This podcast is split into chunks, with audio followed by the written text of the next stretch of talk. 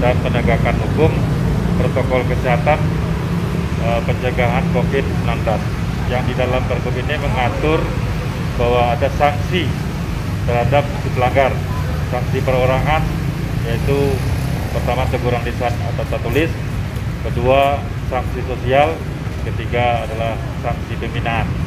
Untuk tempat usaha itu ada empat sanksi teguran lisan dan tertulis pembinaan penutupan operasional sementara dan pencabutan izin khusus untuk kita regu yang ada di depan BI ini itu adalah untuk menerapkan untuk perorangan yang tidak pakai masker kita memberikan sanksi dalam bentuk sanksi sosial dalam bentuk menyapu jalan.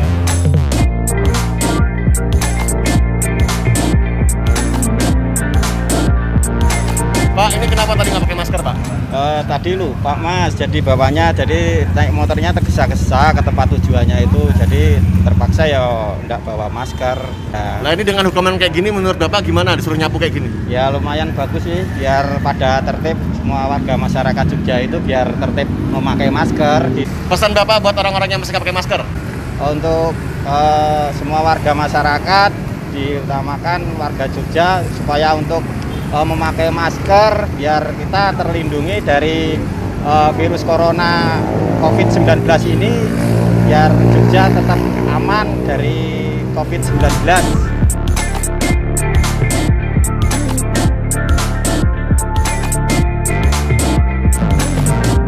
ini di uh, gabungan dari TNI, Pol PP dengan Polri ya Pak? Ya, uh, kami adalah uh, di bidang uh, pengamanan dan penegakan hukum daerah istimewa Yogyakarta dalam melakukan operasi kami eh, gabungan dari Satuan Polisi Pamang Praja Daerah Istimewa Yogyakarta dengan TNI dan Polri. Pelaksanaan Pergub tahun 77 eh, dengan sanksi kerja sosial dimulai pada malam hari ini ya berkisar pelanggar yaitu di antara eh, satu lokasi titik sekitar antara 700 70 orang atau sampai 100 orang.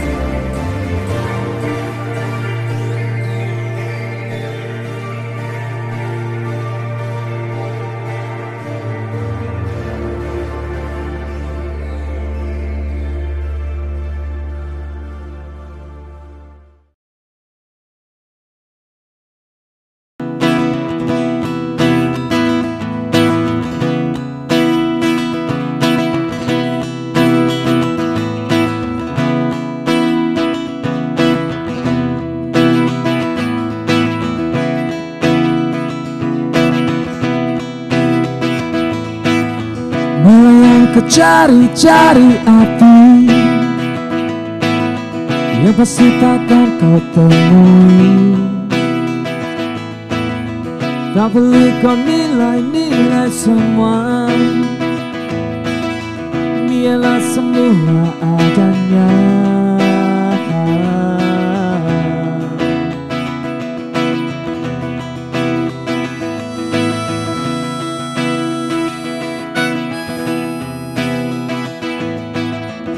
coba meraba-raba hati. Warna gejolak di sini. Alirkan semua rahasia. Taburkan dalam suasana. Tak usah kau cari makna hadirnya diriku Aku di sini untukmu. Mungkin memberi arti cinta pada dirimu.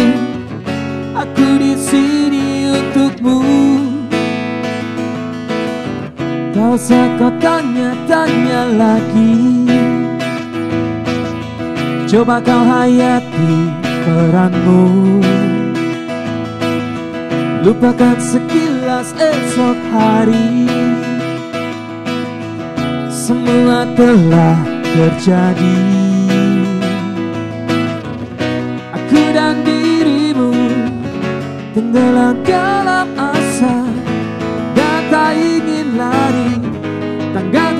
Rasa ini Cobalah entaskan Pastikan lepas atau terus Semoga beri bangkit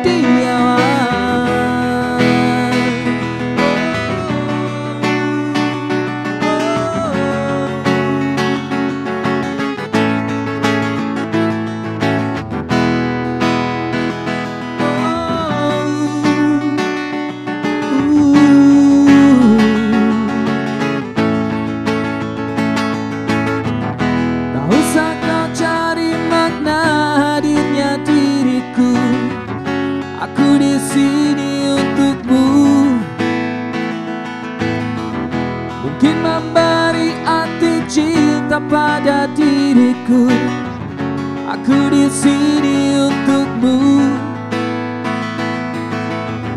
Lepaskan sejenak beban berat di pundakmu.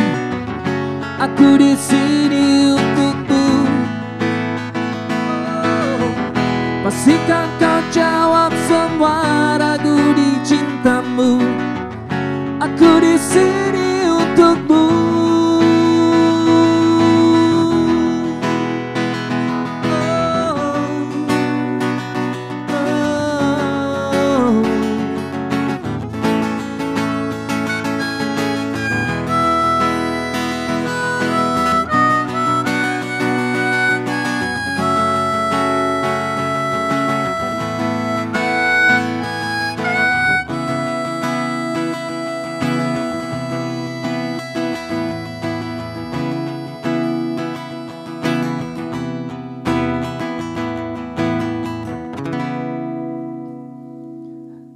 selamat malam semuanya.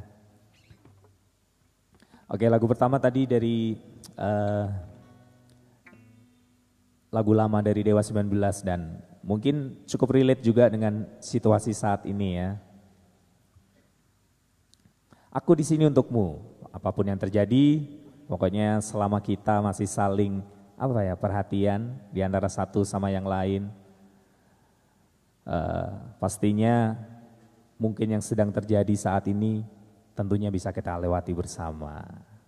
Karena eh, apa pun yang terjadi sekali lagi selama kita selalu optimis, selalu yakin bahwa esok kan selalu masih ada.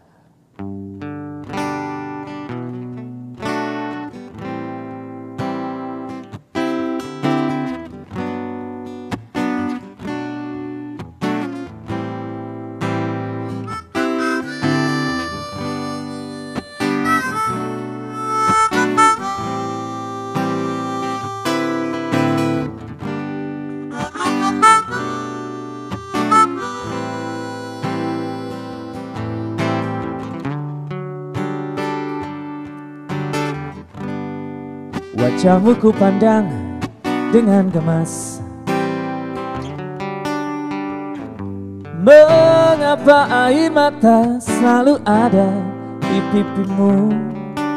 Hai nona manis Biarkanlah bumi berputar. Menurut kehendak yang kuasa yeah. Apalah artinya sebuah derita?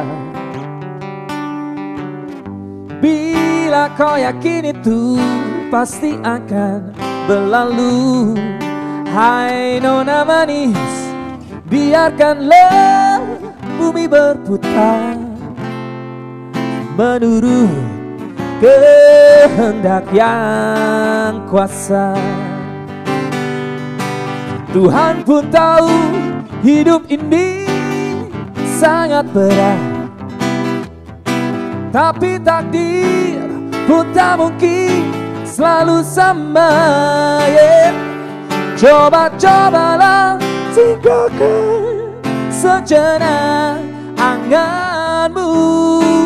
Esok kan masih ada oh, Esok kan masih ada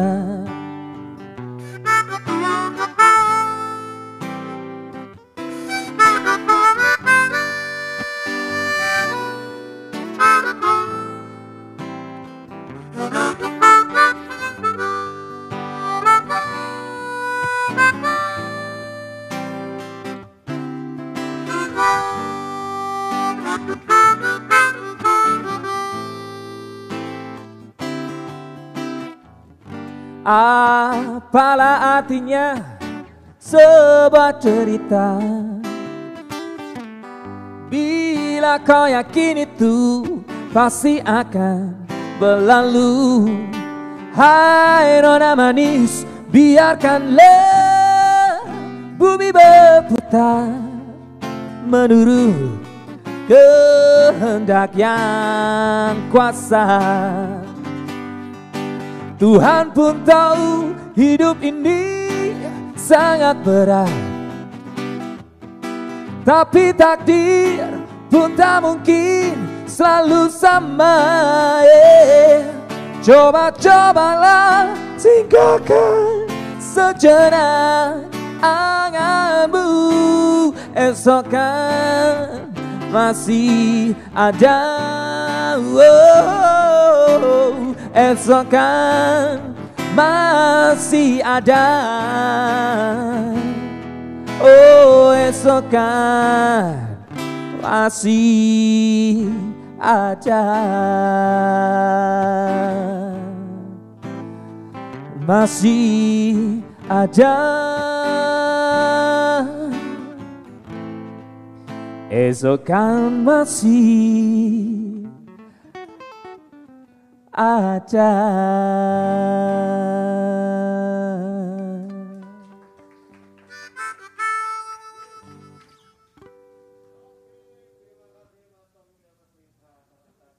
Lagu-lagunya dan improvisasi-improvisasinya ya tadi ya. Dan lagu-lagu nostalgia-nostalgia ya tadi ya itu ya Dewa 19 juga.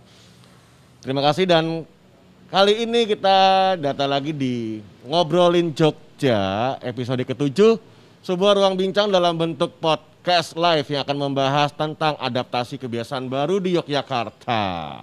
Nah kalau tadi kata Mas Tommy adalah esokan masih ada, tapi untuk protokol kesehatan jangan menunggu besok. Harus sudah kita lakukan dari sekarang ini atau dari kemarin-kemarin bahkan. Nah, akhirnya Yogyakarta setelah enam bulan Gubernur DIY Sri Sultan Hamengkubuwono X mengeluarkan Pergub nomor 77 tahun 2020 tentang pemberian sanksi pelanggar protokol kesehatan khususnya yang tidak pakai masker dan beberapa tempat usaha juga yang tidak eh, mematuhi protokol kesehatan. Hal tersebut disambut baik oleh tim Satpol PP sebagai tugas dan depan tim pengamanan dan penegakan hukum pencegahan COVID-19 di daerah istimewa Yogyakarta dengan melakukan pengawasan dan penertiban di beberapa lokasi di Yogyakarta. Kemarin juga hari Selasa saya sempat ikutan di 0 km eh, pemberian sanksi sosial eh, yang melanggar itu disuruh ini, disuruh menyapu jalan dan terjaring hampir sekitar 100 lebih 100 lebih Pak kali ya. 176. 176 pengendara yang eh, mengabaikan protokol kesehatan atau tidak memakai masker. Nah, apa sih pergub isi pergub tersebut dan seefektif, seefektif apa pelaksananya di Yogyakarta? Sekarang saya ditemani oleh para senior lagi sih sebenarnya. Di sebelah saya sudah ada Bapak Dr. Andes Novia Rahmat MSI sebagai Kepala Satpol PP DIY dan di sebelahnya ada Mas Pak Haryanto, pemilik gudang digital dan gudang kopi. Selamat malam semuanya, Pak sehat semuanya nih. Alhamdulillah sehat. Sehat-sehat ya, tetap harus sehat ya. Eh, kepada Pak Noviar dulu nih Pak, kita langsung aja nih Pak. Ini topiknya sangat enak menurut saya ini Pak. Tapi kita mundur dikit nih Pak, karena beberapa hari yang lalu juga kita dapat kabar jika ada pedagang di Malioboro ya Pak ya yang meninggal karena COVID-19.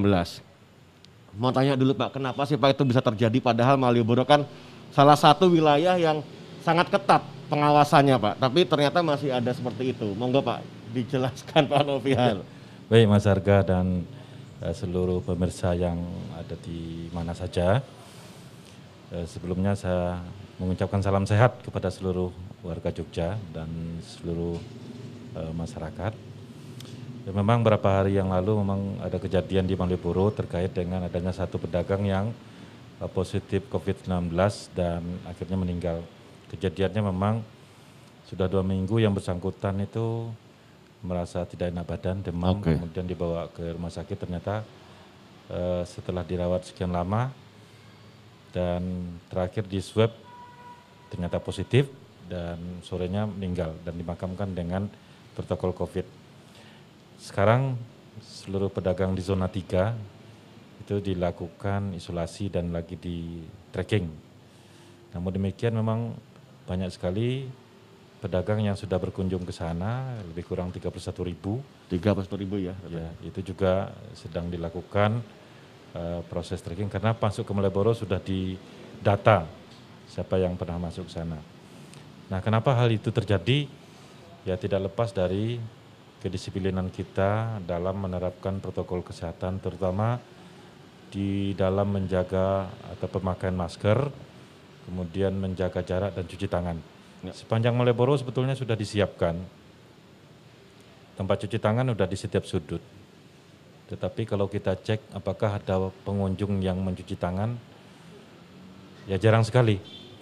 Kalau kita lihat yang memakai masker, nah ini juga sering yang melepas masker. Padahal di Malioboro itu juga sudah ada perda kota tentang kawasan tanpa rokok. Tetapi ya dengan alasan merokok ya dibuka masker. Kursi yang sudah ditempatkan di sana hanya boleh ditempati oleh satu orang. Dalam kenyataan juga empet-empetan. Nah ini yang padahal pengunjung yang masuk ke Malioboro itu belum tentu hanya orang Jogja saja. Apalagi yang namanya Sabtu Minggu di libur panjang, apalagi kemarin juga libur panjang itu sempat Malioboro itu ramenya, bahkan kapasitas yang seharusnya 2.500 itu melebihi dari kapasitas yang sebenarnya. Sehingga terjadi penumpukan-penumpukan. Nah ini kan kembali lagi kepada ketaatan dan kedisiplinan pengunjung yang masuk ke tempat-tempat wisata. Kemudian juga sebetulnya larangan bagi bus-bus besar untuk masuk ke wilayah Yogyakarta atau wisatawan dalam bentuk rombongan. Dalam kenyataannya, coba kita lihat di hari libur, tidak hanya di Malioboro ya, di tempat-tempat wisata lain itu bus-bus yang dari luar daerah pun sudah bermasukan, sudah berdatangan tanpa ada protokol kesehatan karena ketentuannya bus itu hanya boleh diisi 70 persen, tapi penuh tanpa ada pakai masker di dalamnya. Nah ini kembali lagi disiplin masyarakat atau pengunjung wisatawan yang masuk ke wilayah Jogja dalam menerapkan protokol kesehatan. Nah kalau diserahkan pengawasannya kepada aparat baik itu dari Satpol PP, TNI Polri, ataupun kalau di uh, wilayah Malioboro itu oleh Jogoboro dan UPT Malioboro serta Pambudaya, tentu sangat tidak mungkin sekali karena keterbatasan waktu, keterbatasan personil, mulai dari pagi sampai pagi lagi, nah itu tidak mungkin kita ngawasi. Nah kembali kepada disiplin individu. Nah penularan COVID ini, kalau COVID-nya sendiri kan tidak bergerak. Iya. Yang bergerak itu kan orang yang kena COVID itu dia bergerak menularkan ke mana-mana. Ini karena pergerakan orang. Nah pergerakan ini yang kita harusnya menyadari dan batasi. Termasuk juga kita sebetulnya harus menahan diri lah pada saat ini. Itu di titik nol di sepanjang Malioboro di beberapa tempat juga masih dipergunakan untuk demonstrasi. Menyampaikan aspirasi. Memang menyampaikan aspirasi tidak dilarang. Memang sudah ada imbauan ketika menyampaikan aspirasi dari penyelenggara untuk menegakkan protokol kesehatan. Tetapi ketika pelaksanaan siapa yang ngawasi? Banyak penumpukan, banyak terjadi dempet-dempetan. Siapa yang tahu kalau salah satu dari peserta itu ada yang OTG Pak ya. OTG, tidak ada yang tahu. Nah ini kita mengharap supaya semua menahan diri dulu, baik itu masyarakat atau siapa pun menahan diri supaya di DIY ini tidak tinggi lagi. Karena sekarang ini contohnya dua hari yang lalu, pertambahan positif itu 50 orang 50 orang ya. per hari. Iya. Saya belum tahu lihat hari ini berapa ini. Padahal bulan April sampai dengan bulan Mei itu paling tinggi pertambahan satu hari itu hanya 15 orang. Dan ketika sudah mencapai 50 orang, kita sudah mulai panik. Nah sekarang setiap hari ada yang pernah kemarin melonjak sampai 67 orang per hari. sampai hari ini pertumbuhannya sangat tinggi. Setahu saya keseluruhan kasus positif di DIY sudah menyentuh di angka 1.600-an. Nah ini kan tidak main-main. Pertambahannya hanya dalam waktu dua bulan terakhir ketika seluruh akses ekonomi, seluruh akses sudah dibuka. Memang kita berhadapan dengan pos- posisi bahwa kita harus menegakkan protokol kesehatan. Akses ekonomi juga harus dibuka. Tetapi kalau tidak dibarengin dengan disiplin yang tinggi, tentu ya kasus positif akan tetap meningkat. Ini yang kita harapkan adalah kita harus menerapkan protokol kesehatan di samping juga akses ekonomi juga ditingkatkan. Kita tidak mungkin membiarkan masyarakat terpapar atau masyarakat itu terkapar. Terka. Nah, Iya, iya, iya. Betul. Jadi pergub ini sebetulnya gunanya adalah untuk mencegah itu. Oke. Terus Mungkin Mas Siap. Ya. Hari ini ada 50 orang lagi, Pak, yang yang eh, positif. Ya. Totalnya 1685 yang sudah di Jogja ya yang sudah positif. Yang sembuhnya 30 orang hari ini. Dan akhirnya eh, pergub itu muncul Pak ya setelah enam bulan pergub itu muncul yang nomor 77 tahun 2020 ya Pak ya. Itu bisa dijelaskan nggak Pak tentang pergub tersebut? Ya jadi gini Mas, Eh, sebetulnya dari awal saya menyampaikan bahwa masyarakat Yogyakarta atau siapa pun menerapkan protokol kesehatan bukan karena ada pergub atau karena Iya. aturan, tetapi adalah karena memang kesadaran masing-masing individu dalam menerapkan protokol kesehatan. Nah kemudian di awal bulan Agustus dikeluarkan instruksi Presiden nomor 6 tahun 2020 yang intinya bagi seluruh daerah wajib untuk menerapkan disiplin eh, protokol kesehatan. Dalam amanat impres itu disebutkan bahwa seluruh daerah baik itu provinsi maupun kabupaten kota wajib hukumnya untuk menerap atau menerbitkan peraturan kepala daerah.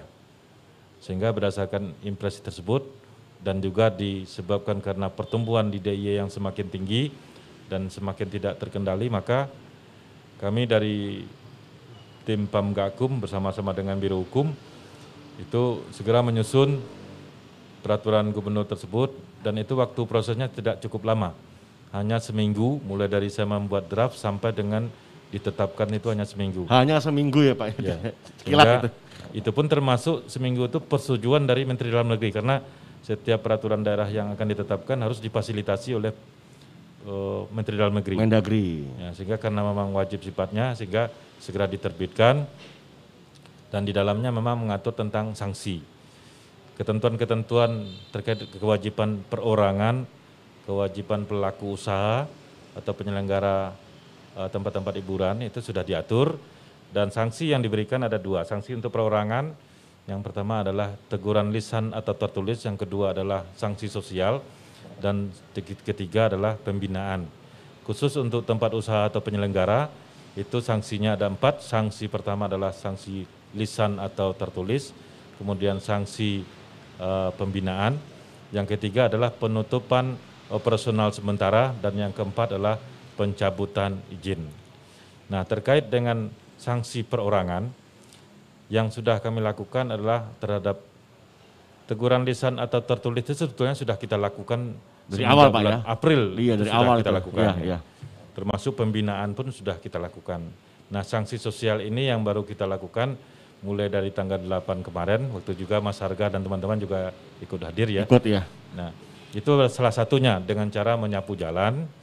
Sebetulnya ada tiga yang kami minta itu dilakukan. Yang pertama menyapu jalan, yang kedua mencabut suket ya, Rumput. rumput-rumput nanti kita cabut. Kemudian yang ketiga adalah membersihkan rontek-rontek. Intinya bukan kita tidak sanggup membersihkan, tetapi karena ini adalah memberikan efek jerah kepada si pelanggar untuk melakukan kerja sosial. Mudah-mudahan dia ke depannya kapok. Iya. Jadi tidak melakukan lagi eh, tidak memakai masker di tempat-tempat umum. Kemudian untuk tempat-tempat usaha itu juga kita melakukan eh, pembinaan. Kemarin di hari Selasa itu di Prawira Taman ya kita melakukan pembinaan kepada lima tempat usaha karena tidak menerapkan protokol kesehatan. Sebelumnya kami juga sudah membuat teguran ke dua tem- tempat hiburan malam. Yang membuka tetapi ketika melaksanakan kegiatan itu seperti tidak ada corona sama sekali. Di dalam pengunjung tidak ada pakai masker kemudian eh, live musiknya juga apa ya seperti tidak ada Kayak COVID. biasa aja gitu, Pak, ya? Tidak, kayak biasa. Nah kami mengeluarkan teguran dua. Ini kami masih monitor lagi apakah masih dilaksanakan. Kalau masih ya terpaksa ketentuan terhadap penutupan itu kita lakukan. Nah ini kita tidak main-main lagi terhadap penegakan protokol ini. Ini harus kita lakukan karena tanpa ada penegakan protokol yang eh, ketat, maka pertumbuhan kasus positif di DIY itu akan tetap Terus- tinggi. Terus meningkat ya. Iya, terus meningkat. Oke, mungkin sanksi yang terakhir kalau masih ngeyel juga Pak orang-orangnya disuruh nguras perang kritis mungkin Pak. Iya. Jadi sebetulnya yang kita lakukan khusus untuk setiap hari. Jadi kami lakukan setiap hari di tempat-tempat memang yang berbeda. Eh, seperti hari kemarin waktu tanggal 8 malam hari kita lakukan di titik nol dan di Tugu. Tugu. Itu 176 orang pengunjung yang kita eh, sanksi sosial dengan menyapu jalan. Kemudian tanggal 9 kemarin di Pasar Bantul dan Pasar Gamping Gamping. itu pelanggarnya ada 103. Terus tadi di Pasar Gabusan dan di Condong Catur. Nah ini laporannya belum masuk berapa orang yang ini. Tapi saya yakin bahwa selama yang kami lakukan tetap di atas 100. Itu pun kita melakukan hanya tiga jam atau empat jam. Saya Iya, yakin pelanggaran lebih daripada itu yang kita lakukan uji petik selama empat jam di satu tempat itu sudah mencapai angka 100. Tapi pelanggaran yang terjadi di masyarakat lebih daripada itu. Ribuan bisa jadi Pak ya. Ribuan mungkin ya. Nah, ya tidak heran kalau kasusnya semakin meningkat. Nah, Nah ini yang kita harapkan semua komponen semua masyarakat juga jangan karena hanya karena pergub atau karena ada pengawas baru menerapkan protokol kesehatan, tapi karena memang ada kebutuhan. Jangan Kesadaran sampai ya, Pak, tempat. ya? itu yang dari dulu kita tekankan. Pak Gubernur juga menginginkan kesadaran warga ini yang kita pentingkan untuk menegakkan protokol kesehatan. oke. Siap. Kemudian di hari Sabtu Minggu, khusus Sabtu Minggu, Sabtu Minggu. ya kama- kami juga membawa Satlantas Rescue Istimewa. Ya. Itu kami juga kerahkan 328 orang personil di hari Sabtu dan Minggu itu di eh, tujuh wilayah. Karena kami juga menempatkan Saldinmas itu di tujuh wilayah, yaitu wilayah satu di daerah Sadeng itu terdiri dari tujuh, 17 pantai. Kemudian wilayah dua di Baron itu ada 37 pantai. Wilayah tiga itu Parangtritis, itu lima pantai. Wilayah empat itu Pantai Baru, itu delapan pantai. Wilayah lima Gelagah, itu dela- 10 pantai. Dan di wilayah enam itu di Sermo, itu ada 10 tempat objek wisata. Dan di Kaliurang. Nah kami setiap satu minggu juga melakukan penerapan protokol yang sama termasuk untuk penerapan Pergub 77. Khusus untuk di wilayah pantai kami minta kepada pelanggar untuk memungut sampah karena kalau menyapu di pantai itu agak sulit.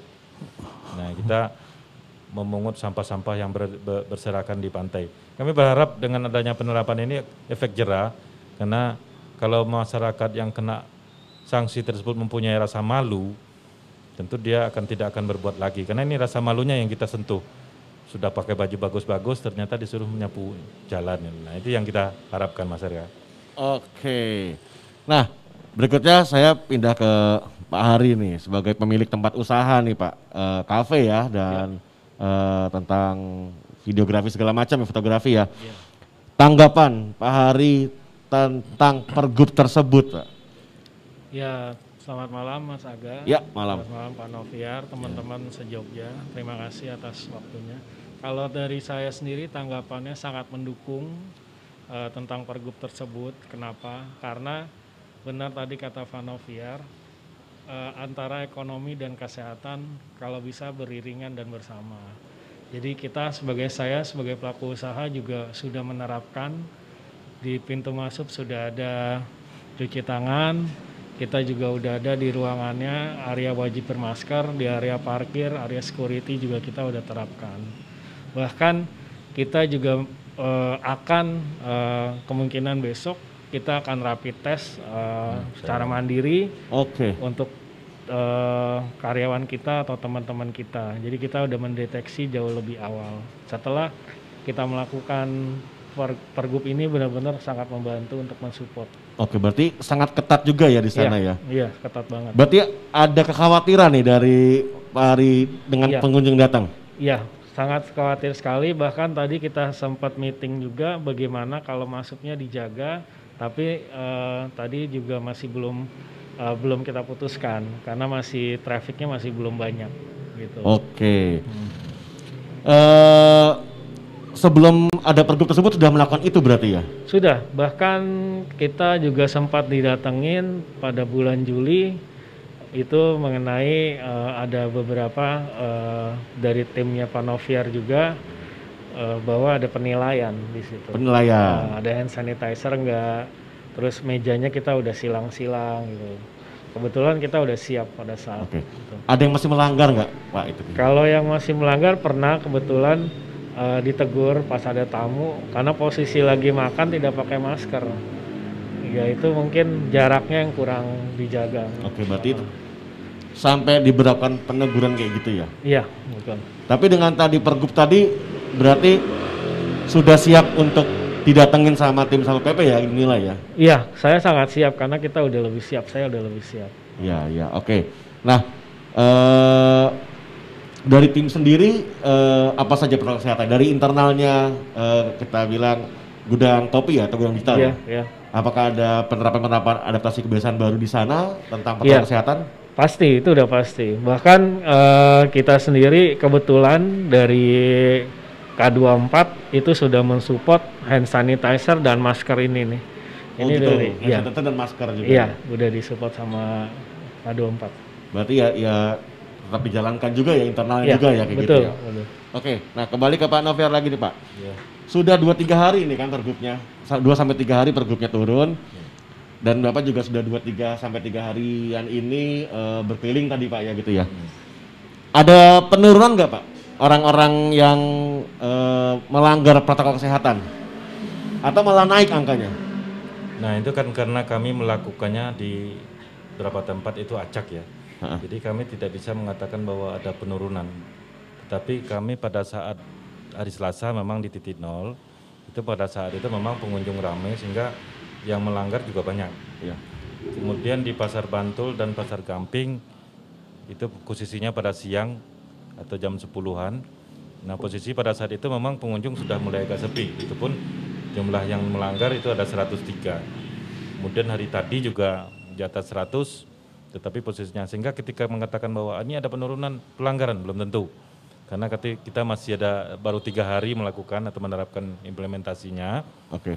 Nah artinya eh, kita masih menggugah warga Jogja, apalagi ini eh, kasus kita belum menurun sampai saat ini, Belum menurun, betul. belum. Jadi kalau kondisi ini dibiarkan atau tidak ada upaya-upaya percepatan yang harus kita lakukan, maka dikhawatirkan dua bulan ke depan itu kita sudah kehabisan bed rumah sakit untuk merawat pasien positif corona. Nah ini yang tidak kita harapkan karena kita juga saling bersinergi antara dinas kesehatan, para rumah sakit juga. Bagaimana kita menangani ini jangan sampai banyak yang masuk rumah sakit. Kasihan perawat-perawat kita yang sudah berjuang semenjak bulan Maret dan sampai sekarang juga masih bertahan di Jogja ini. Jangan sampai nanti kita malah jebol DIY ini. Jangan sampai kita seperti eh, wilayah daerah-daerah merah lainnya. Kita sekarang masih di posisi oren, Oren. ya. Jadi Setelah oren, merah. sudah oren adalah merah. Karena posisi di bulan eh, Juni kita sudah masuk sebetulnya di zona kuning.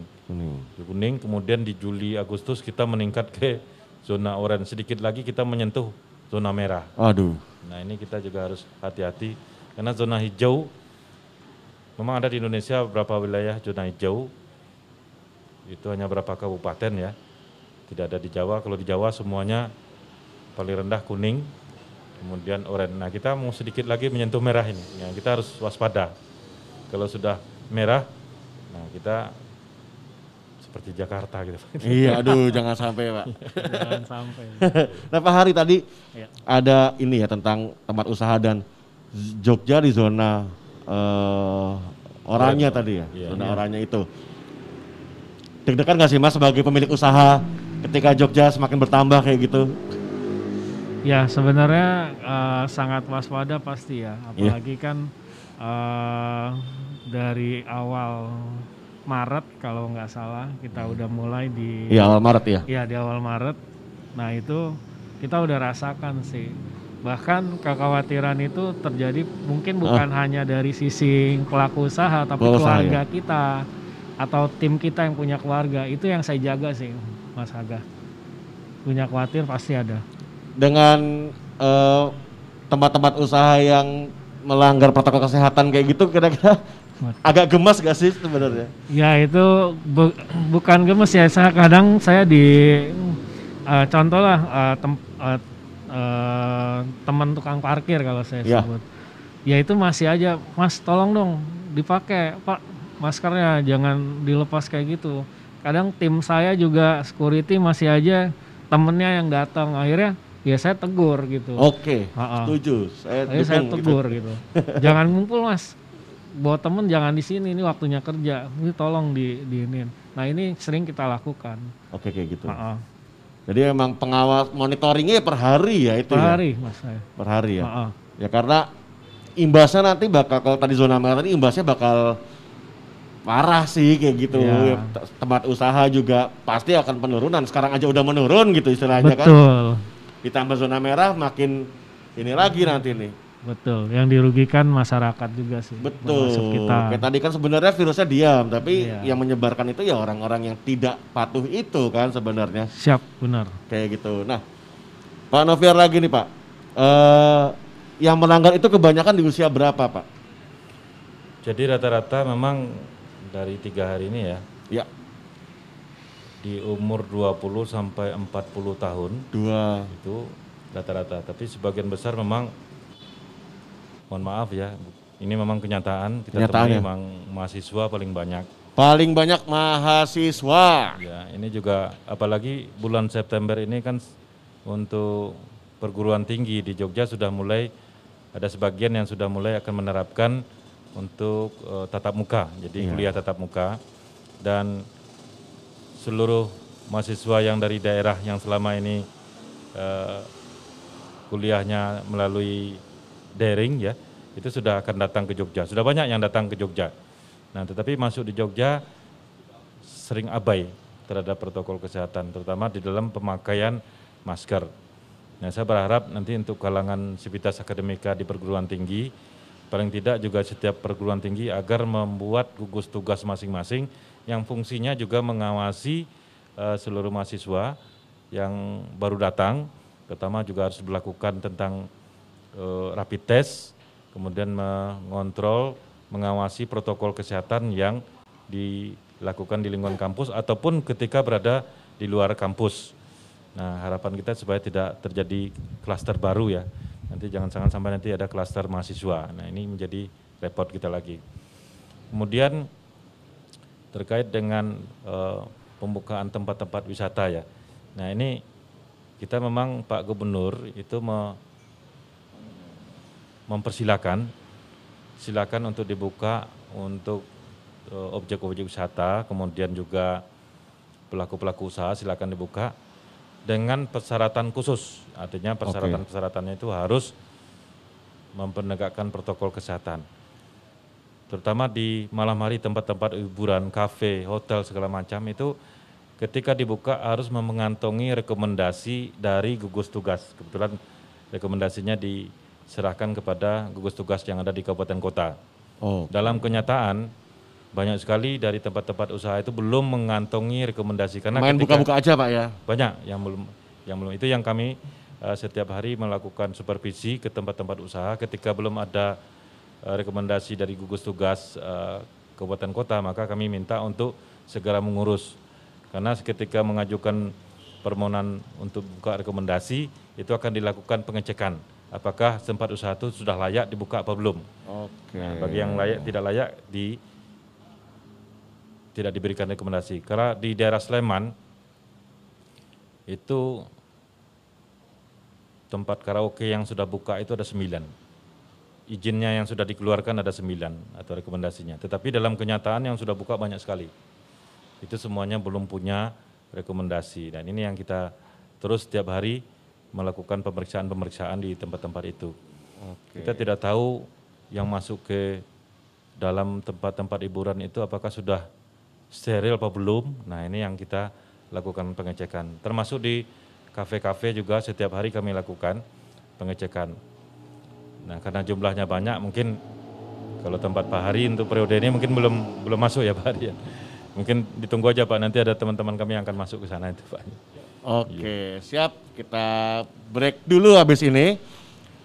eh kita habis ini akan ada hiburan tawa dan sekarang saat ini ngobrolin Jogja sedang berada di salah satu co-working space di Yogyakarta, Serawung Galuh, Serawung Galih, punyanya Kominfo Jogja. Dan yang mau eh, tanya atau mau komentar silakan langsung saja ada di YouTube-nya Kominfo DIY dan Humas Jogja, juga ada di Twitter dan Facebooknya streamingin. Dan berikut ini kita persilahkan hiburan tawa sebuah duo yang lahir dari ngobrolin Jogja yang akhirnya membuat nama menjadi duo Rukun Makmur. Silakan. Wih. Selamat malam dulu. Selamat malam semuanya. Selamat malam. Teman-teman. Baru kali ini ya ke Dinas Kominfo DIY. Iya kayaknya. Iya. Soalnya Eh. agak tidak terlihat dari jalan itu. Tadi Eh. malah sa- saya kira itu dinas rahasia tadi. Baru kali ini kamu Baru ke Kominfo tapi selama ini kan menyimpan kekecewaan tau sama Kominfo kalau ke warnet. Karena- Keblokir ya. Iya. Iya, Mas Arga ada juga selamat malam Pak Ma- Noviar. Pak dan- Novian, Mas Haryanto. Selamat malam, Mas. Ya. Ini Menarik sekali menarik ya. perbincangannya. Nah, Iya. karena membahas soal peraturan. Peraturan di Jogja. Semoga Peraturan kita berharap juga ke depannya ya semakin disiplin ya warga. Ah. Semakin disiplin. Ya. Disiplin, menjaga kesehatan. Ya. Kayak vokalis Mas vokalis tadi. Iya, Wah, suaranya enak. Enak, ya. karena- Suara enak itu keluar dari tubuh yang sehat. Iya. Betul, betul. Kamu suka musik tuh? Suka no? Suka musik. Tadi kan komposisi musiknya juga bagus tuh. bagus, bagus memang. Komposisinya kan ada bawang. tuh. Enggak ya. oh, Bukan oh, ya? komposisi kau bawang itu obat. Tapi musik itu secara keseluruhan bisa memperindah suasana. Apa? Iya, memperindah suasana. Kok bisa? Iya, itu musik secara keseluruhan. Hmm. Tapi ada satu musik yang bisa memperindah ruangan. Apa kuy? Ada, Ada. ada. Musik reggae. Wih, kok bisa? Suaranya tuh cecet, cecet. Iya. Oh. Kon ngecet. Kon ngecet. Asik nih ya kalau Hmm. orang tuh katanya kalau kondisi pandemi gini harus happy. Ya. Dengar berita apa pun harus kita jangan jangan terlalu takut juga Betul, gitu betul, ya. betul. Tetap waspada tapi jangan paranoid. Jangan, Jangan paranoid. kalau istilahnya anak sosial media sekarang jangan overthinking. Overthinking. Wah, overthinking. Kemarin Mm-mm. saya di WA dapat dari teman Jakarta. Wah, Hmm. teman Jakarta ada foto Wisma Atlet tuh ya, Wisma Atlet tuh. Wah, Lampunya nyala semua. lampunya nyala semua kemudian kalian tahu kan maknanya Wisma Atlet sudah buka tower baru lagi. Wah. Hmm. Artinya apa itu, Bro? Oh, saya tahu. Wow, Asian Games diulang apa? Ora, ora Oh. ngono iki masalah serius. Bukan ya? Itu berarti kan ini apa jenenge? Grafiknya naik lagi. Wah. Ngeri memang kalau Jakarta ya. Ngeri, ngeri. Ya, memang Itu kalau harus- di Indonesia awalnya dari Jakarta ya. Ya, Ya. dari Depok ya kalau Anda salah. Iya, ya. yang tiga penderita pertama itu Mm. malah jadi duta corona. Nah. kalau nggak salah itu ya duta duta Iya, ya, iya, ya, iya. awalnya itu. Ya. Nah, itu loh.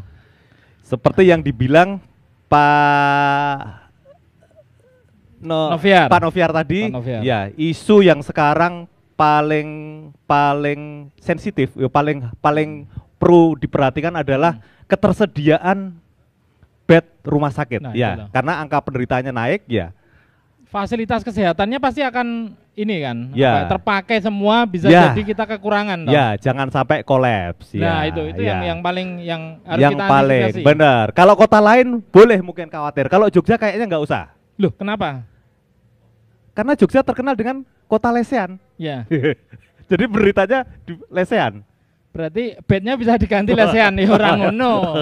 Ora, eh, ora oleh ngono. Oh, ora oleh ngono Ini ya, masalah ya. serius juga. Iya.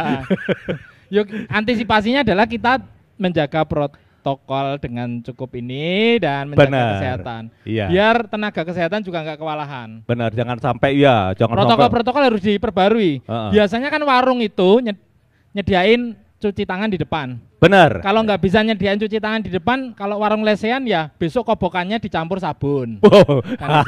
Kopo. Le- Ya. Kobokan ya. wis campur sabune. Benar harusnya, nggak cuma Heeh. daun apa Daun kemangi Oh, daun biasanya, kemangi. ya, diuntel-untel ya. ngono. Tapi ada loh. Saya pernah lihat warung yang menyediakan kobokan udah sama sabunnya. Ada beneran? Ada, bener ya. Beneran ada itu. Wow. Tapi terus sama yang tamunya tuh malah disah-isah, isah-isah sendiri. Dipakai untuk nyuci piring. Ya? Dikira disuruh Iya. nyuci piring sendiri. Itu pakai masker ya ini. Ini kita buka karena kita ini ya dipakai mikrofon agak ini ya. suaranya ya, dapat ya. privilege sama Ah, Mas Arga. Boleh privilege. nyopot masker kayaknya. Boleh nyopot Ya. masker. Asal lucu katanya. Nah. asal, asal lucu. Soalnya ada ya. yang pakai masker di dagu. Wah, Sering banget tuh masker ada di dagu. itu sebel saya lihat kalau di jalan tuh banyak banget ya orang pernah pakai saya masker. ah. pernah saya cek Hmm. beneran. Saya pegang, lu kok aduh aduh aduh, ternyata emang diperban. memang sakit. Memang sakit. bener. Warnanya mirip masker ya. Mirip berbeda, masker. ya. Kok aduh, aduh, Ya. aduh. Jangan pakai masker juga di kepala, ya. Nah, Di, di rambut, di Kenapa? rambut. ya. Nanti dikira Atta Halilintar. itu. Guyune kok rada ora ikhlas loh Nah. Mas Arga. Tapi memang harus gitu, harus Eh. apa ya? eh, kayak tadi dibahas besok sudah mulai perkuliahan. Itu ya. Oh, udah udah udah mulai tatap Nah, muka belum? sebentar lagi katanya ada kampus yang akan tatap muka. Kita belum tahu. Nah, ini perlu diklarifikasi nih. Kampus mana nih? Mirota Nah, itu. kampus? Nah, wis tatap muka terus sih Mirota kampus sih. Nah, Kampus motor. Ah, ya. kampus buku itu merek Iya, buku. Iya. Gimana? Nah itu harus Kalau menurutmu usul usul yang kamu ya tetap online, tetap online Tetap dulu aja. online. Selama ini tetap online dulu karena Jogja kan kota pendidikan, Mm-mm. mahasiswanya banyak. teman saya yang mahasiswa tuh tiap hari katanya aku kuliah Zoom. Makanya Wah. kuwi, aku ya heran kuliah kok pakai Zoom, apa materinya kecil-kecil? Itu aplikasi. Oh, aplikasi. Aplikasi, ya. Terus aku ya Iya. kuliah pakai Zoom, materinya aplikasi. Aplikasi. Kalau Zoom beneran nanti pesertanya malah kelihatan jerawatnya, Nah. ya. Raine Pakai. ketombo, ya. pakai Zoom bisa. eh. Saya juga ngajar.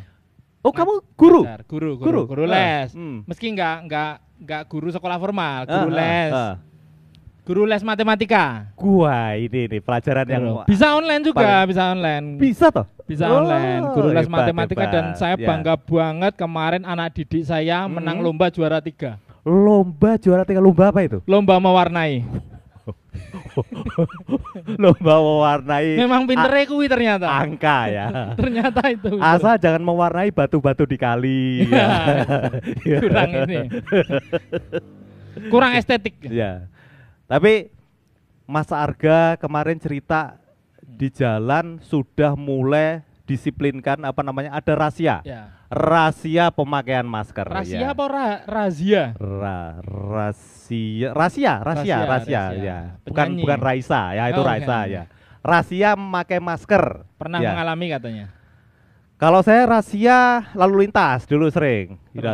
Saya santai sih kalau rahasia lalu lintas biasanya dicegat tuh ditanyain surat-suratnya saya, Pak, saya anggota loh. Wah, saya- ya, Aman po- ya kalau itu ya? Ya nggak aman, tapi polisinya kan agak agak gimana, agak nggak enak Ah. tuh.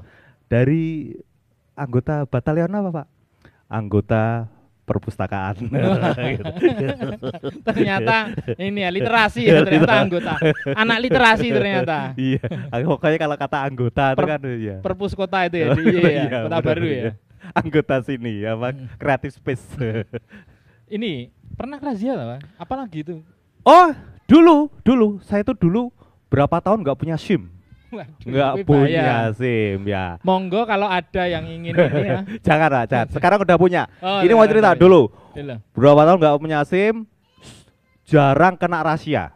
Jarang ke mana-mana, jarang kena rahasia. Tapi yang namanya kadang-kadang kita dapat satu hari yang sial ya. Tetap. Pernah. Gimana pun cara menghindar, tapi tetap dapat hari yang sial ya. Begitu saya naik motor tikungan, di depan saya ada rahasia. wow polisi udah banyak ya, Hmm. polisi udah banyak, banyak yang kena. Nah, Di saya mana itu di mana? di daerah balapan ke lho, tikungan ke lho. Kalasan. Eh tutu balapan kiri ki. Oh iya. iya, Balapan eh, mburi AYKPN gitu. Oh, ah, iya, daerah iya, situ iya. ya. Oh, tahu tahu. Oh, tahu. pas tikungan kan? Pengok ya, pengok Ah, ah, ya. ya benar pengok. Pas tikungan di sana ada polisi. Ah, saya tahu. Berhenti aja di sebelah kiri ada warung dawet. Wah, ada Wah, warung ada dawet. warung dawet. Saya berhenti di Mesti situ. sing ngantri ya wis akeh. Saya berhenti di situ merasa aman. Ternyata di situ juga banyak orang pura-pura minum dawet dan karena Nah. menghindari rahasia di depan Iya. sana. Iya, wah. Polisinya dari sana tahu. Ya, lihat. Datengin, Iya, datengin. Orang pada minum dawet terus pada ketakutan loh. Wah, pada pada wow. Eto-eto ya. Edo, polisi datangin terus. Selamat siang, Mas dan Mbak. Boleh saya lihat surat-suratnya? Wuh, pada ketakutan sama. Nggak ada yang jawab, nggak ada yang jawab. Nah, saya kan dulu mahasiswa hukum, Wah. mahasiswa hukum. Saya bisa menjawab, ya, punya argumentasi untuk itu. Saya langsung berdiri, Bapak polisi, sejak kapan minum dawet harus menunjukkan surat-suratnya? Wah, wah, itu yang lain pada ikut. Iya Pak, sejak kapan Pak? Masa ngombe dawet kudu ngaku Nah, surat. Iya. Surat SIM itu kan surat izin minum dawet. Ah, Iya, iya. Enggak ya. Terus bapak polisinya langsung gak mau kalah juga dia. Loh, bukan begitu mas. Ini bukan masalah minum dawetnya. Tapi mas kan di sini tadi naik motor dari rumah berarti harus bawa SIM. Wah, saya juga gak mau kalah toh. Ya. Anak hukum, ya hukum. pintar berdebat. Bener. Bapak polisi, apakah bapak tadi melihat dengan mata kepala sendiri saya naik motor? Iya. Iya.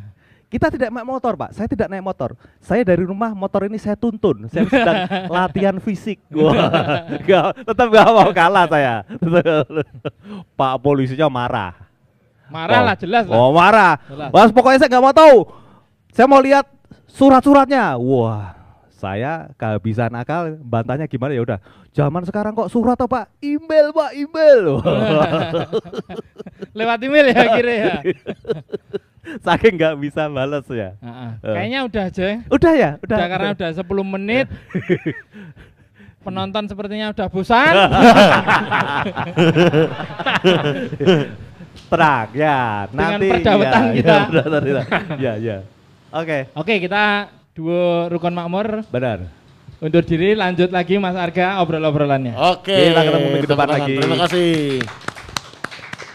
Kelihatan banget kangen ya. Overtime ya, kelihatan banget kangen ngomong ya berdua ya nih ya. Dan tadi bola panasnya dilempar ke aku loh itu loh. Soal privilege itu loh.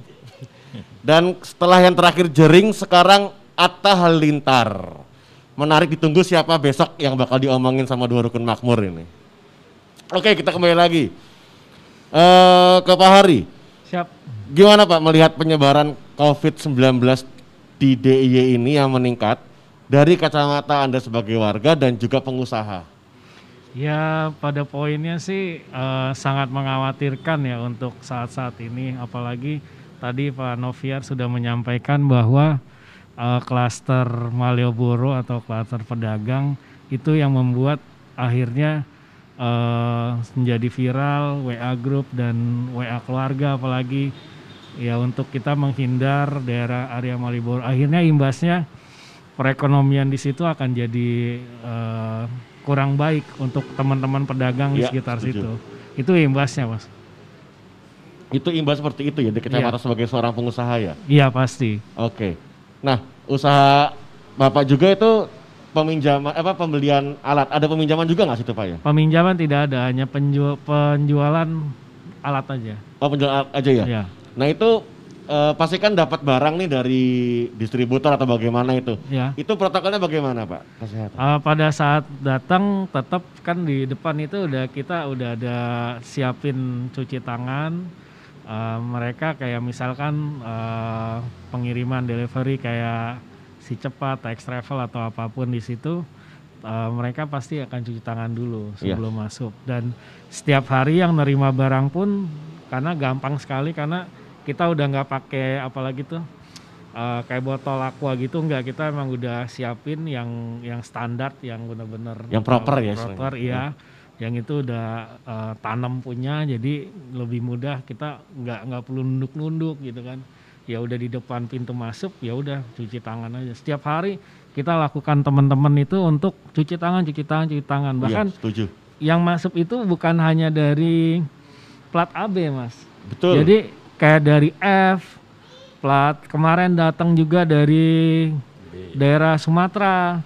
Sampai bulak balik dua kali datang karena di sana eh, punya bisnis pariwisatanya turun. Akhirnya mereka nyaman di tempat kita berapa kali balik berapa kali datang ya itu tetap kita waspada dan dia juga memakai masker Iya, kita iya. wajibkan Heeh. Ya tetap tetap tidak pandang bulu istilahnya gitu. iya ya. pasti pasti Nggak pandang bulu. Oke. Pak Noviar nih, kita kembali lagi Pak Noviar. Tadi kan ada tempat usaha yang membutuhkan surat rekomendasi dari gugus tugas ya Pak ya. Itu tempat usaha yang kayak gimana Pak? Dan bagaimana caranya untuk mendapatkan rekomendasi tersebut? Ya, jadi seluruh tempat usaha apa pun jenisnya, baik itu skalanya UMKM ataupun skalanya usaha besar, tempat hiburan, hotel, restoran segala macam. Nah, itu sebelum beroperasi harusnya memberi mengajukan ke gugus tugas yang ada di kabupaten kota. Kemudian setelah dari kabupaten kota itu menerima eh, permohonan dilakukan pengecekan oleh tim yang dibentuk oleh gugus tugas kabupaten kota tentang kesiapan dalam penerapan protokol kesehatan. Oke. Jadi setelah dicek baru nanti kalau sudah memenuhi baru dikeluarkan rekomendasi dari gugus tugas. Nah, ini harusnya perlu dilaksanakan oleh seluruh usaha yang ada di daerah Semajawa termasuk kegiatan yang mendatangkan orang, misalnya ada event-event ataupun eh, termasuk demonstrasi yang dilakukan juga, ini harusnya ada izin dulu dari gugus tugas untuk memastikan bahwa protokol kesehatan itu betul-betul diterapkan. Nanti akan didampingi oleh eh, gugus tugas ketika misalnya eh, melakukan kegiatan event-eventnya, nanti ditunjukkan mana yang perlu Oh, iya. disiapkan. Mungkin itu yang harus dilakukan, Mas. Berarti tidak memandang bulu juga ya istilahnya mungkin teman-teman di sini juga ada yang punya usaha, saya juga punya usaha juga. Iya. Berarti akan membuat eh, meminta rekomendasi dulu gitu Pak, izin dulu nanti ketika ditinjau oke layak dikasih eh, rekomendasi untuk bisa Ya, menjalankan usahanya seperti Jangan itu. khawatir itu tanpa biaya, Pak. Jangan khawatir tanpa biaya. Iya. Kalau ada yang minta biaya bilang ke Pak Noviar Iya, nanti betul. langsung. nah, gimana dengan tempat wisata, Pak? Ya. Pengawasannya. Apakah beda atau bagaimana? Jadi kalau tempat wisata kami kan sudah melakukan supervisi ya. Supervisi juga ya. Dan dari Dinas Pariwisata itu sudah mengeluarkan standar operasional prosedur yang disebut dengan Plesiran Anyar Jogja. Ya. Di dalamnya sudah mengatur SOP apa yang akan diberlakukan di setiap objek wisata dan pelaku-pelaku usaha pariwisata. Ya. Nah, dengan adanya SOP tersebut dibuatlah checklist. Yang checklist itu nanti dari Satpol PP yang akan melakukan pengecekan. Kami sudah melakukan di bulan Agustus ke 56 eh, tempat wisata untuk kesiapan-kesiapannya. Memang belum keseluruhan itu lengkap.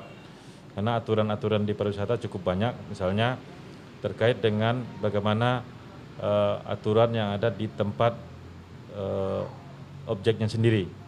Oke. Nah, misalnya dia harus membuat tempat cuci tangan, kemudian ada ukur suhu tubuh, kemudian bagaimana memastikan petugasnya kepada para pengunjungnya itu untuk memakai masker.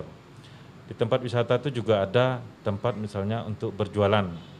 Nah, kita melihat di sana bagaimana dia mengelola sampah kejualan, bagaimana dia mengelola eh, jaga jarak di tempat misalnya dia duduk, bagaimana dia mengelola eh, misalnya ada toilet, toiletnya Ya. seperti apa, apakah sudah higienis apa belum. Nah itu kita cek sampai kepada musola misalnya di tempat Sampai usaha musola ya, Pak ya. kita misalnya musola, apakah di tempat oh, atau di objek wisata itu masih menyediakan tikar ya? Ya. karena ketentuannya tidak boleh disediakan tikar, tidak boleh disediakan mukena atau sarung. Jadi si Bawa sendiri ya, bawa Pak ya? sendiri karena itu dikhawatirkan akan menjadi eh, pusat penularan. Jadi seperti itu termasuk bagaimana di bis di bis juga ada ketentuannya. Nah kami melakukan checklist kepada keseluruhan objek uji wisata itu yang kami koordinasikan dengan eh, dinas pariwisata. Kemudian untuk memastikan penegakan protokol kesehatannya, khusus di Sabtu Minggu di objek-objek wisata yang saya sampaikan tadi. Tadi ya. Nah kami langsung melakukan razia pemakaian masker seperti yang dilakukan dan mulai besok Sabtu itu beda ya. Kalau di daerah kerumunan-kerumunan kita memperlakukan pakai penyapu jalan, tetapi kalau yang di uh, objek wisata nanti kita mengut sampah gitu. Kemudian di dalam peraturan gubernur nomor 77 tersebut itu memang tidak memastikan atau tidak melakukan denda ya. Karena sesuai dengan Impres nomor 6 2020 sebetulnya diperbolehkan. Jadi gubernur diperbolehkan untuk menerapkan sanksi administratif termasuk berupa denda. Nah, kami dari provinsi sesuai dengan arahan Pak Gubernur karena kita melihat tingkat perekonomian masyarakat sekarang juga uh, belum stabil termasuk masyarakat ekonomi ke bawah ya. Sehingga ketika kita menerapkan denda ini ini dikhawatirkan malah terjadi perlawanan. Artinya kita tidak bijak di dalam hal tersebut sehingga sanksi denda ini kita tidak berlakukan. Tidak berlakukan tetapi yang kita berlakukan adalah sanksi dalam bentuk kerja sosial. Nah, ini pilihan sebetulnya yang sudah paling ringan. Oh iya. iya. Karena dalam pelaksanaan sehari-hari kami sering menemukan ketika ada yang tidak pakai masker kemudian kami minta dia beli masker. Untuk beli masker aja sering masyarakat tidak punya uang. Nah, sehingga sering kami berikan masker kami sudah disiapkan masker kami berikan. Nah, baru kita buat surat pernyataan. Nah, sekarang ketika tidak ada punya masker, nyapu. Kalau tidak bisa beli, ya kita beri. Nah, Ada yang bilang tidak bisa beli, Pak. Banyak, Pak. Waduh. Masa bisa beli masker? Itu sampai kami periksa dompetnya memang tidak ada uang. itu memang banyak yang Teman saya kayaknya itu. oh gitu nah. Untuk berarti belum ada denda Pak sampai sekarang. Apakah ke depannya akan ada nih Pak? Soalnya. Jakarta kan miliaran itu yang Ya. dihasilkan dari denda itu. DKI itu dengan penerapan denda itu sampai 4 miliar. Kebetulan 4 miliar. 4 miliar di sana. Di beberapa daerah juga menerapkan denda termasuk aturan yang ada di kota Jogja, kemudian aturan yang ada di Kabupaten Bantul dan Sleman itu juga ada denda. Tetapi khusus yang di provinsi itu tidak akan kita terapkan masalah denda, biar kabupaten yang menerapkan. Oh gitu, Iya. Kabupaten Merak. Oke. Nah untuk sanksi sosialnya itu yang menetapkan siapa Pak? Menyapu jalan, mengut sampah itu, apa akan ada lagi sanksi yang lain? Ya kalau yang menerap, menetapkan jenis sanksi sosial itu dari tim kami sendiri. Tim Jadi kami sementara ini Ramgukhang itu Pak ya? ya sementara ini baru menyapu jalan, cabut rumput sampai dengan mencabut drontek. Ya bisa saja nanti berkembang kalau masih ada ketemu yang masih eh, melanggar terus ya bisa jadi kita suruh ngecat jalan segala macam. Nah itu dia. Ngukur jalan juga mungkin bisa. Tadi Ya, nguras kan- orang kritis juga mungkin bisa itu Pak.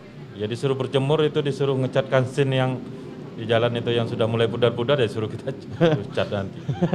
Kalau yang udah ketahuan lagi, ketahuan lagi, misalnya Iya. ketangkap lagi mungkin bisa dinaikin Pak itu ininya. Iya betul mas. Nah ini kan ke Pak Hari dulu nih. Ini yang lagi hangat kan Jakarta akan melakukan PSBB nih mulai hari Senin ya. ya. 14 September. Karena angka peningkatan pasien yang sangat makin memprihatinkan, eh, ruang eh, ruang rumah sakitnya juga bednya juga memprihatinkan. Nah di Jogja juga meningkat nih eh, penderitanya, walaupun nggak banyak. Menurut kacamata anda sebagai pengusaha, apakah di Jogja perlu ada PSBB nggak sih mas sebenarnya? Eh, menurut saya Jogja itu sangat istimewa. Saya merasa warga Jogja itu lebih paham dengan eh, komunikasi yang sangat santun dari mungkin dari tokoh masyarakat, tokoh agama atau komunitas mungkin bisa menyuarakan hal yang sama keguyupan kita, kerauhan kita yang kita harus jaga. Saya rasa saya sebagai pengusaha tidak setuju dengan PSBB sih. gitu. Iya. Berarti kita yang dibutuhkan ya kayak kolaborasi antar dari tingkat bawah Ya. RT sampai seniman segala macam untuk menyuarakan ini ya. Karena kita ini belum melewati wave yang pertama sebenarnya. Masih di wave yang pertama belum wave yang kedua gitu kan. Yang pertama aja belum selesai gitu. Tapi sudah ada peningkatan lagi. Berarti emang satu suara dulu lah kayak gitu. Ya, kita benar. mengkampanyekan itu ya hidup protokol itu ya. Iya, Karena ya kita kan eh, biasa di sini rauh ya Mas ya Iya. di Jogja. Saya rasa deng- dengan santun, dengan kekeluargaan dari tingkat RT, RW dan seluruhnya komunitas budayawan dan lain-lain tokoh masyarakat, tokoh agama, saya yakin kita tanpa PSBB pun kita bisa survive dan bisa berhasil. Amin. Setuju. Amin. Siap. Nah, ke Pak Noviar, perlu nggak sih Pak di Jogja PSBB? Jadi semenjak dari awal ya, semenjak bulan Maret itu COVID-19 itu mulai terdeteksi di DIY, sampai hari ini Pak Gubernur sudah menegaskan bahwa DIY tidak akan diterapkan PSBB. Karena dasar yang diambil bagi pemerintah daerah di dalam menetapkan status tanggap darurat itu adalah Undang-Undang 24 2007 tentang kebencanaan. Sementara ketentuan tentang PSBB itu ada di dalam Undang-Undang Karantina Wilayah yang dipakai oleh pemerintah pusat. Oke. Sehingga Pak Gubernur selalu menegaskan kepada kami bahwa tidak akan menerapkan PSBB karena di dalam Undang-Undang Kebencanaan tidak dikenal dengan adanya PSBB. Kedua, risiko yang kita terima ketika adanya kebijakan PSBB itu cukup Ya. berat, terutama bagi kalangan pengusaha ataupun masyarakat sendiri. Di Ya. dalam PSBB itu yang boleh buka itu hanya yang berkaitan dengan toko yang berkaitan dengan bahan pokok. Bahan yang boleh pokok, buka ya. itu hanya eh, tidak boleh misalnya makan di tempat. Yang berkaitan dengan eh, usaha-usaha yang lain seluruhnya ditutup. Kemudian WFH bagi pelaku-pelaku usaha juga harus dilakukan. Nah ini kan eh, berakibat kepada tekanan ekonomi. Oke. Iya, iya, setuju. Sampai dengan September ini kita di DIY ini pertumbuhannya sudah minus 5%. Pertumbuhannya minus 5%. Alhamdulillah. Ya, minus loh Pak. Bukan Oh, minus. plus. Oh, minus. Minus itu artinya bahwa kita itu dalam keadaan terpuruk. Jadi Aku sedikit pikir lagi. minus tuh positif, ternyata jelek itu Pak ya. Ya jelek tuh Pak. Ya. Jadi yang kita harapkan sekarang bagaimana sampai di triwulan terakhir ini, ya paling tidak kita menembus menempuh nol aja udah syukur nih Pak. Jadi itu makanya kita mendorong masyarakat itu untuk melakukan upaya-upaya bagaimana dia meningkatkan ekonomi, dia menghasilkan pencarian mata pencarian lagi, bisa menghasilkan eh, uang sehingga eh, ekonomi kita bisa tumbuh. Usaha-usaha itu perlu didorong, tetapi harus dibarengi dengan protokol kesehatan. Oke. Makanya semenjak awal kita menetapkan status tanggap darurat, sebetulnya Pak Gubernur tidak pernah menetapkan untuk menutup tempat usaha apa pun. Iya, iya. Termasuk hotel restoran itu tidak pernah ada ditutup. Yang menutup itu adalah pelaku usaha sendiri karena BOP-nya tidak kembali. Jadi karena memang Iya, operasional tinggi ya Pak ya. Betul. pengunjung ke Jogja tidak ada, mereka tetap buka harus bayar karyawan nggak sanggup, nah, sehingga mereka menutup diri sendiri. Itu yang selama ini terjadi. Kemudian eh, mudah-mudahan tidak PSBB ya. Amin. Tidak PSBB, tetapi dengan catatan masyarakat tolong kita bekerja sama seperti yang disampaikan Pak Hari tadi. Saya yakin tokoh-tokoh masyarakat, komunitas dan relawan yang banyak di Jogja ini mau menyuarakan tentang protokol kesehatan termasuk ikut mengawasi, ikut mengingatkan apabila dari teman-temannya atau misalnya orang di sekitarnya yang tidak pakai masker tolong diingatkan. Apalagi kalau pengusaha mengingatkan karyawannya, kalau perlu memberikan sanksi kepada karyawan yang tidak Nah. mau pakai masker. Setuju. Ya. Nanti mungkin coba kita ngomong sama teman-teman di Jogja ya, seniman segala macam. Kita bareng-bareng lah kita mengkampanyekan mengkampanyekan kembali untuk protokol kesehatan dari Iya. mulai masker segala macam turun-turun ke jalan kayak gitu. Mungkin semoga akan terrealisasi sih Pak. Nanti coba saya iniin sama teman-teman. Nah, tapi kan kalau kita bilang efek dari PSBB Jakarta itu bisa saja Jogja kena efeknya. Betul. Misalnya orang misal PSBB Jakarta dan akhirnya WFH dan orang-orang mungkin memilih ke Jogja sebagian kayak gitu. Nah itu ada nggak sih Pak antisipasi dari eh, tim Satpol PP sendiri sebagai Gus Teban? Ya, jadi efek dari PSBB yang akan ditetapkan oleh pemerintah DKI itu karena warga Jogja yang ber- mencari nafkah di DKI juga tidak sedikit ya, banyak sekali Iya. sehingga akan muncul pemudik mungkin sehari ini sudah ada yang curi star kali itu. Mungkin.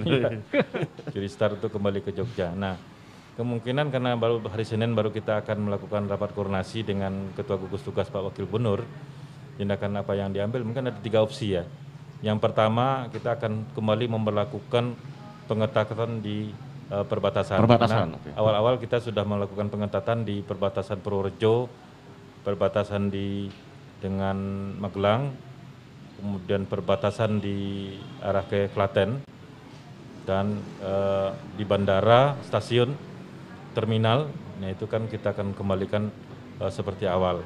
Itu opsi pertama. Opsi kedua, kita akan kembali memperlakukan isolasi mandiri 14 hari di rumah.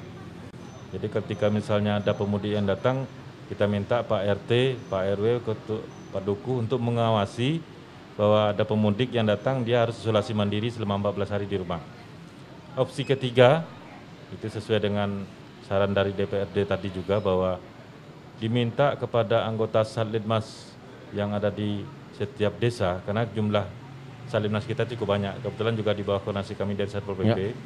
itu jumlahnya di DIY ini 29.524 orang. Kalau itu dikerahkan semua untuk melakukan pengawasan kepada pemudik, artinya tidak ada pemudik ketika masuk ke wilayahnya untuk berkeliaran. Nah, termasuk mengawasi protokol kesehatan di masing-masing eh, RT, RW ataupun di pedukuhan dan di desa. Nah, ini tiga opsi ini yang bisa nanti kita tempuh, tergantung nanti kondisi mana yang paling tepat. Tetapi kita juga sudah mengantisipasi ketika misalnya ada lonjakan dari pemudik ini, ya kita harus waspada kembali. Ada langkah-langkahnya pasti Pak ya? Ya, tinggal kita mengambil berapa opsi ini nanti yang untuk diterapkan. Oke, ya pokoknya memang semua harus waspada siap-siap gitu Pak Iya. ya. Oke. Ini udah enam bulan loh Pak nih, Bapak dan tim Satpol PP di apa ya eh, bekerja ini dan ekstra gitu. Ya. Nggak capek Bapak? Ya karena ini sebetulnya pertama adalah memang tugas kita dari Satpol PP dalam rangka penegakan protokol kesehatan. Yang kedua ini adalah tugas mulia yang dibebankan kepada kita. Tugas mulia setuju. Ya, karena eh, kami selalu menekankan kepada teman-teman tidak ada kata-kata mengeluh. Karena kami juga tidak mengenal itu hari libur Sabtu, Minggu atau libur tanggal merah, termasuk libur Lebaran kami tidak kenal. Yang kami kenal bahwa setiap hari hari kami harus melakukan tugas ini dan demi kepentingan masyarakat DIY dan juga untuk eh, tugas-tugas kemanusiaan. Kami sangat sedih apabila melihat kasus-kasus positif ini semakin tinggi. Kami sangat sedih apabila melihat ada warga masyarakat yang tidak menerapkan protokol kesehatan, apalagi apa ada kumpul-kumpul, ada event-event yang kadang-kadang abai terhadap protokol kesehatan, apalagi ada black campaign. Nah ini juga kami temukan di black campaign di masyarakat, yang mudah-mudahan Kominfo ini bisa mengkantar ini, bahwa di masyarakat itu ada yang menganggapan bahwa corona itu tidak ada. Tuh buat Kominfo, Kominfo. Ya. Kemudian juga ada black campaign yang mengatakan bahwa hidup mati itu di tangan Tuhan. Tuh banyak loh masyarakat loh yang Nah, ini tahunya yang tuh kami kan- karena tuh nggak ada loh. Dan jadi mudah-mudahan kita bisa berkolaborasi bahwa untuk memerangi black campaign ini juga diperangi lagi dengan black campaign. Jadi dua hal yang kami hadapi, black campaign masyarakat, yang kedua perilaku masyarakat. Merubah perilaku masyarakat itu tidak memang tidak gampang. Setuju. Jadi ketika dia biasanya tidak bermasker, kemudian disuruh berpakai masker, ya ini sesuatu hal yang tidak gampang. Ini perlu edukasi semua pihak, perlu ada keterlibatan dan kolaborasi dari semua pihak, termasuk eh, komunitas Pak Hari ya, pedagang-pedagang semua itu juga ikut ambil bagian. Jangan menjadi objek, tetapi jadilah menjadi subjek yang ikut memerangi virus ini. Subjek, betul sekali. Iya. Setuju saya subjek. Oke. Pertanyaan terakhir nih. Pesan-pesan deh buat dari Pak Hari dulu deh untuk Hmm. pengunjung resto, cafe itu pesannya bukan di tempat Pak Hari doang loh Pak, di yang lainnya kayak gitu.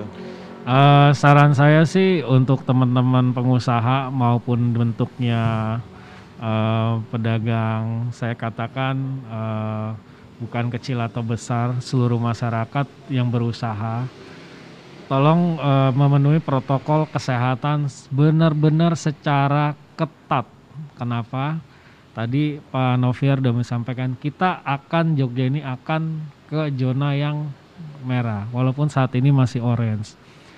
Eh, yang saya sering temukan adalah eh, maaf kata misalkan eh, warung-warung soto atau apa karena em, cuci tangannya agak jauh nah mungkin itu bisa didekatkan saran saya supaya em, pengunjung yang mau makan pun bisa eh, mencuci tangannya dengan dengan dekat gitu loh. Eh, saran saya itu aja mas, mungkin protokol kesehatan harus benar-benar ditetapkan dan benar-benar kuat teguh dari lingkungan. RT RW seluruhnya bahkan komunitas apa pun bentuknya. Kalau dari saya komunitas fotografi sudah melakukan pada saat bulan Maret saya sudah membagikan masker ke teman-teman fotografi. Masker hand sanitizer sudah ke fotografi. Bahkan kita juga sudah mendisinfektan eh, kebetulan karena saya dari Gondokusuman sudah mensupport RW sekitar Gondokusuman pada saat awal COVID. Satu RW sampai pasar itu disupport oleh gudang digital untuk disinfektan. Dan selebihnya teman-teman juga bisa terlibat langsung pengusaha. Marilah kita jaga sama-sama karena ini untuk kita semua. Oke. Karena imbasnya ke kita juga ya. Iya, betul. Betul sekali. Pak Noviar pesan Pak buat warga Jogja Pak. Ya kalau pesan saya jelas bahwa penegakan protokol kesehatan tapi secara spesifik saya ingin berpesan kepada seluruh warga Jogja. Yang pertama, jangan mau membeli atau jajan di tempat penjualnya yang tidak pakai masker.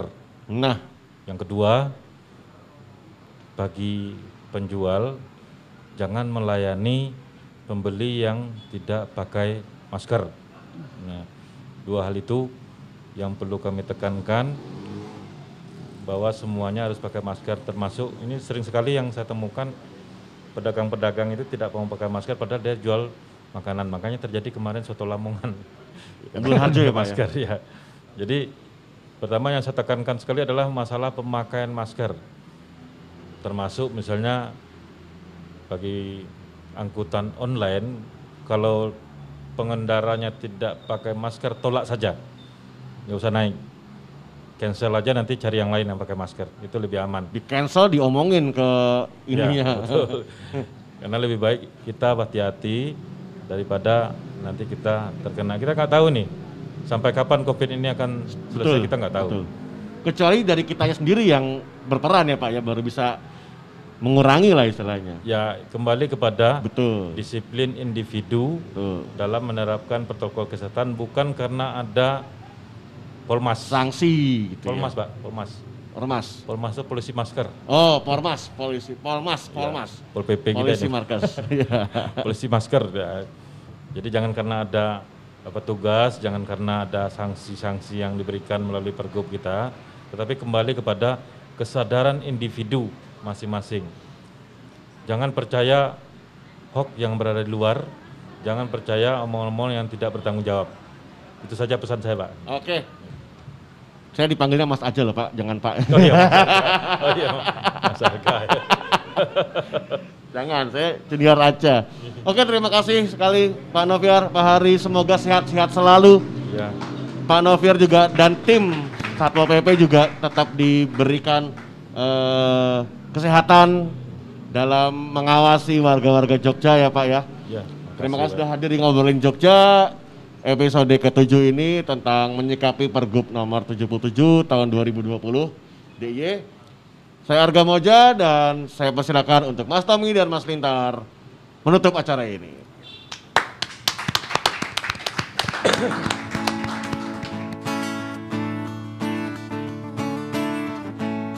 Oke baik, eh, menutup dengan lagu. Ini lagu yang barangkali relate juga dengan situasi saat ini, di mana kita dituntut untuk tetap waras, baik eh, secara mental maupun waras juga secara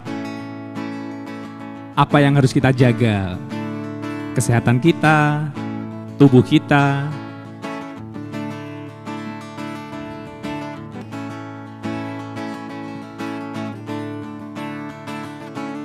Sleep inside the eye of your mind.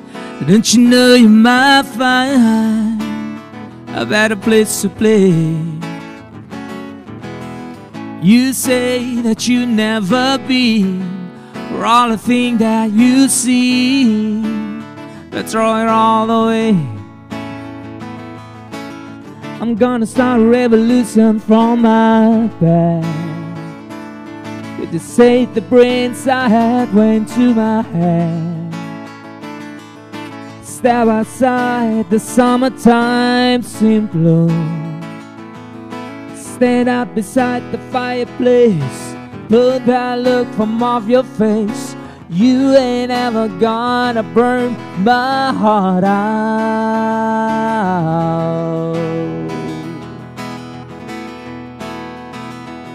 And so Sally can wait, sees no it's too late as we walking on by. Her soul slides away, but you're look back in anger. I heard you say, Oh.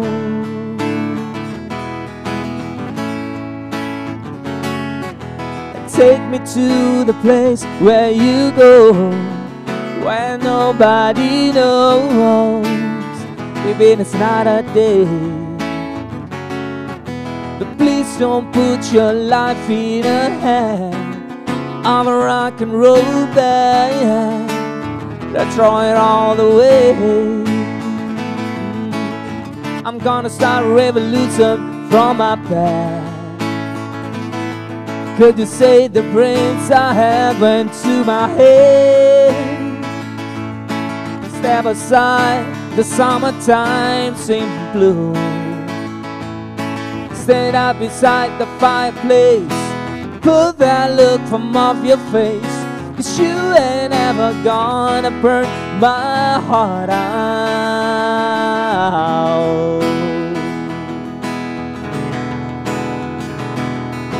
So Sally can wait Sees not it's too late As we walking on by Her soul slides away But don't look back in anger I heard you say And so Sally can wait Sees not too late as we walking on by. Her soul slides away, but don't look back in anger. Don't look back in anger. I heard you say. Oh, it's not today. Oke, tetap move on ya. Jangan ada dendam, jangan ada marah. Pokoknya apa pun yang jelek-jelek yang negatif ya.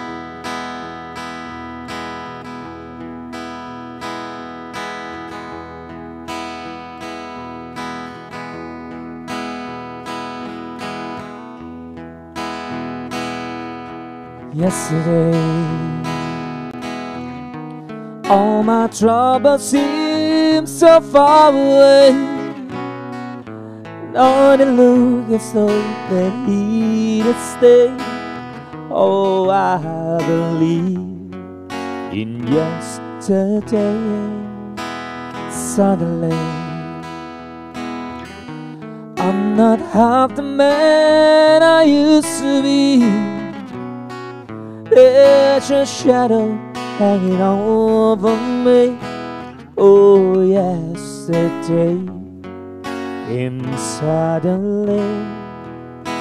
Why she had to go, I don't know. She wouldn't say. I say something wrong, oh, no one oh, know. For yesterday, yeah, yeah, yeah, yesterday. Love was such an easy game to play. Now I need a place to hide away. Oh, I believe in yesterday.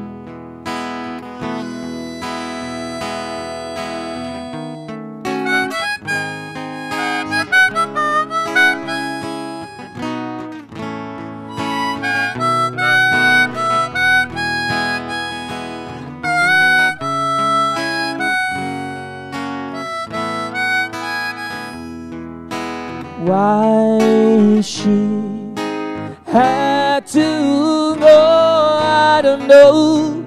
She wouldn't say.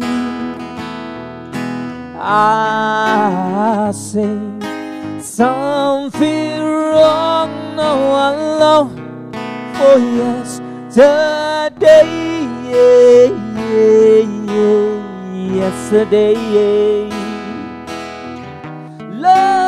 Was such an easy game to play. No, I need a place to hide away. Oh, I believe in yesterday. Oh,